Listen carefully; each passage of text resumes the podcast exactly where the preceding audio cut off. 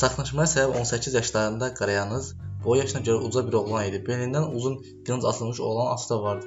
Qısa quyruqlu, kişnən yabının yorğun, qoca görkəmi, qəribə yerişi dərhal hamının diqqətini çəkirdi. Atının özü də bunu bilirdi ki, yabını atasından hədiyyə alanda nahaq yerə dərindən köks ötürməmişdi. Qaskonya əsilzadəsi ata Dartanyan oğlunun müşketorların kapitanı, yəni kralın fəxr etdiyi qəhrəmanlar legionun başçısı cənab De Trevlin yanına göndərəndə ona bir çox məsləhət vermişdi. Demişdi ki, əsilzadə adını şərəflə qorusun. Cənab kardinalla kraldan başqa heç kəsin yanında özünü əksiz tutmasın. Qocaq olsun, həmişə macəra axtarsın, hər fürsət düşəndə vuruşsun, mərdliklə özünə yol açsın.